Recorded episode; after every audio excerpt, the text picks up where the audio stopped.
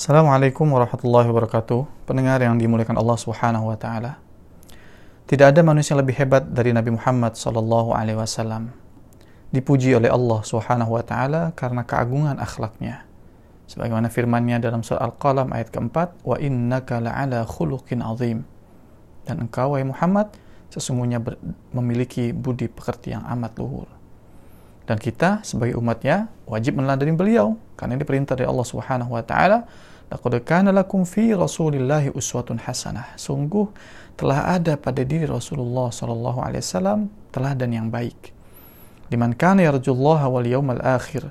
Bagi orang-orang yang berharap rahmat Allah dan kedatangan hari kiamat. Wa dzakarallaha katsira dan orang yang banyak mengingat Allah Subhanahu wa taala. Bahkan Aisyah radhiallahu anha ketika ditanya akhlak Rasulullah sallallahu alaihi wasallam, beliau menjawab kana khuluquhul Qur'an akhlaknya adalah Al-Quran. Artinya, Al-Quran berjalan, itulah Rasulullah SAW. Subhanallah, hebat pribadinya dan hebat pengaruhnya. Maka mari kita lihat di lingkarannya. Semua orang menjadi hebat, keluarganya, menantunya, mertuanya, serta seluruh para sahabatnya adalah orang-orang yang hebat di sisi Allah Subhanahu wa taala. Kata Allah Subhanahu wa taala, Muhammadun Rasulullah walladzina ma'ahu asyidda'u 'alal kuffari ruhama'u bainahum تراهم ركعا سجدا يبتغون فضلا من الله ورضوانا. سيماهم في وجوههم من أثر السجود. ذلك مثلهم في التوراة ومثلهم في الإنجيل. كزرع أخرج شطأه فآزره فاستغلظ فاستوى على سوقه. يعجب الزراع ليغيظ بهم الكفار. وعد الله الذين آمنوا وعملوا الصالحات منهم مغفرة وأجرا عظيما. Muhammad adalah Rasulullah dan orang-orang yang bersamanya bersikap keras terhadap orang-orang yang kafir tetapi berlemah lembut dan kasih sayang sesama mereka. Kami melihat mereka ruku dan sujud mencari karunia Allah dan keridhaannya. Pada wajah mereka tampak tanda-tanda bekas sujud. Demikianlah sifat-sifat mereka yang diungkapkan dalam Taurat, juga diungkapkan dalam Injil, yaitu seperti benih yang mengeluarkan tunasnya, kemudian tunas itu semakin kuat, lalu menjadi tegak dan lurus, menjadi besar dan tegak lurus di atas batangnya. Tanaman itu menyenangkan hati para penanamnya karena Allah hendak menjengkelkan hati orang-orang kafir dengan kekuatan orang-orang mukmin. Allah menjanjikan kepada orang-orang beriman dan mengerjakan kebaikan di antara mereka ampunan dan pahala yang besar.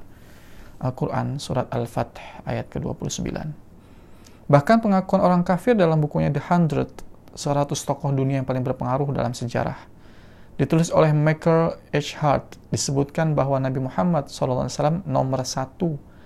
Banyak dari kita sebagai umat yang mengklaim diri mengikut sunnahnya meskipun jauh dalam realitasnya. Dalam sabdanya Rasulullah SAW bersabda, "Kullu ummati yadkhuluna al-jannata illa man aba." Qalu wa man ya'ba ya Rasulullah? Qala man ata'ani dakhala al-jannah wa man asani faqad aba.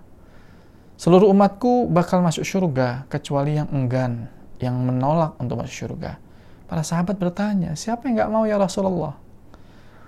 Qala man ata'ani dakhal jannah. Siapa yang mentaatiku, maka dia akan masuk surga. Dan siapa saja yang berbuat maksiat dan mendurhakai aku, maka dia enggan untuk masuk surga. Menarik dengan kejadian yang dialami oleh sahabat Thauban radhiyallahu anhu, orang yang dibebaskan oleh Rasulullah SAW dari perbudakan. Satu malam dia menangis terus sampai mukanya sembab. Menjelang azan subuh, bergabung sholat berjamaah persis di belakang Nabi. Setelah sholat subuh, Nabi Muhammad SAW menghadap kepada jamaah. Beliau melihat wajah Thauban sembab karena bekas banyak menangis. Beliau bertanya, ada apa dengan kamu, wahai Thauban? Dia menjawab, semalaman aku menangis ya Nabi, memikirkan nasibku di akhirat kelak. Apakah aku bisa bertemu dengan wahai Rasulullah SAW seperti kita bertemu di dunia ini? Engkau akan ada di surga yang tertinggi, sementara aku belum tahu di mana aku akan berada. Kalaupun aku masuk surga, mungkin berada paling bawah. Aku takut tidak bertemu dengan Muhammad Rasulullah SAW. Sambil dia terus menangis. Maka Nabi SAW menyatakan satu syarat untuk dijamin surga. Apa itu? Beliau menjawab, jangan pernah minta sesuatu dari manusia. Maka setelah itu, apabila Thauban berada di atas kendaraan dan pecutnya jatuh, dia akan turun mengambilnya tanpa sedikit meminta bantuan kepada orang lain.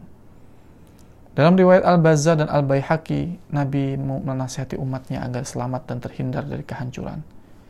Kata Rasulullah SAW, Thalathun muhlikatun wa thalathun munjiyatun.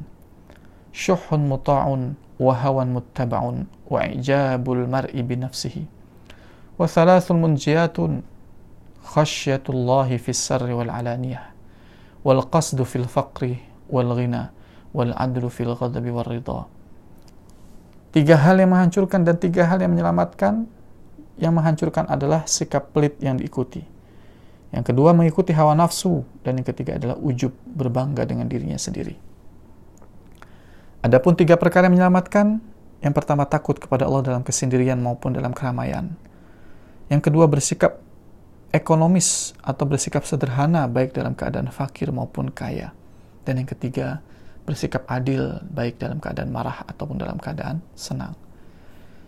Pendengar Allah Subhanahu wa taala, dalam Muktamar Internasional Sirah dan Sunnah Nabawiyah ketiga di Doha pada tahun 1979 Masehi 41 tahun yang lalu dari Indonesia Pak Hamka hadir menyampaikan pengalaman Jenderal Ahmad Nasution bahwa setelah sang jenderal berhasil menumpas gerakan PKI dalam konferensi pers ditanya oleh wartawan asing siapakah idola Pak Jenderal beliau menjawab Nabi Muhammad SAW Bagaimana Bapak sebagai jenderal mengidolakan Nabi? Beliau menjawab, banyak jenderal yang hebat ketika perang, tetapi tidak hebat ketika damai. Tetapi Nabiku Muhammad SAW hebat baik ketika perang maupun ketika damai.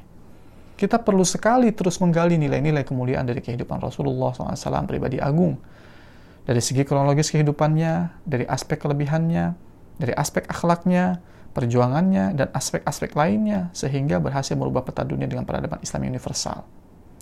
Lihatlah tulisan T.W. Arnold, The Preaching of Islam. Sangat menakjubkan. Kita diperintahkan Allah agar mengikuti jejaknya bila ingin dicintai oleh Allah Subhanahu wa taala. Qul in kuntum tuhibbunallaha fattabi'uni yuhibbukumullah wa yaghfir lakum dhunubakum wallahu ghafurur rahim. Katakanlah wahai Muhammad, jika kamu mencintai Allah, ikutilah aku, niscaya Allah mencintaimu dan mengampuni dosa-dosamu. Allah Maha Pengampun lagi Maha Penyayang. Pendengarkan Allah Subhanahu wa taala. Mari kita ikuti jalan sunnah Rasulullah SAW. Semoga kita dimampukan Allah untuk meladaninya dan kelak di akhirat kita bertemu dengan Rasulullah SAW. Barakallahu fikum wassalamualaikum warahmatullahi wabarakatuh.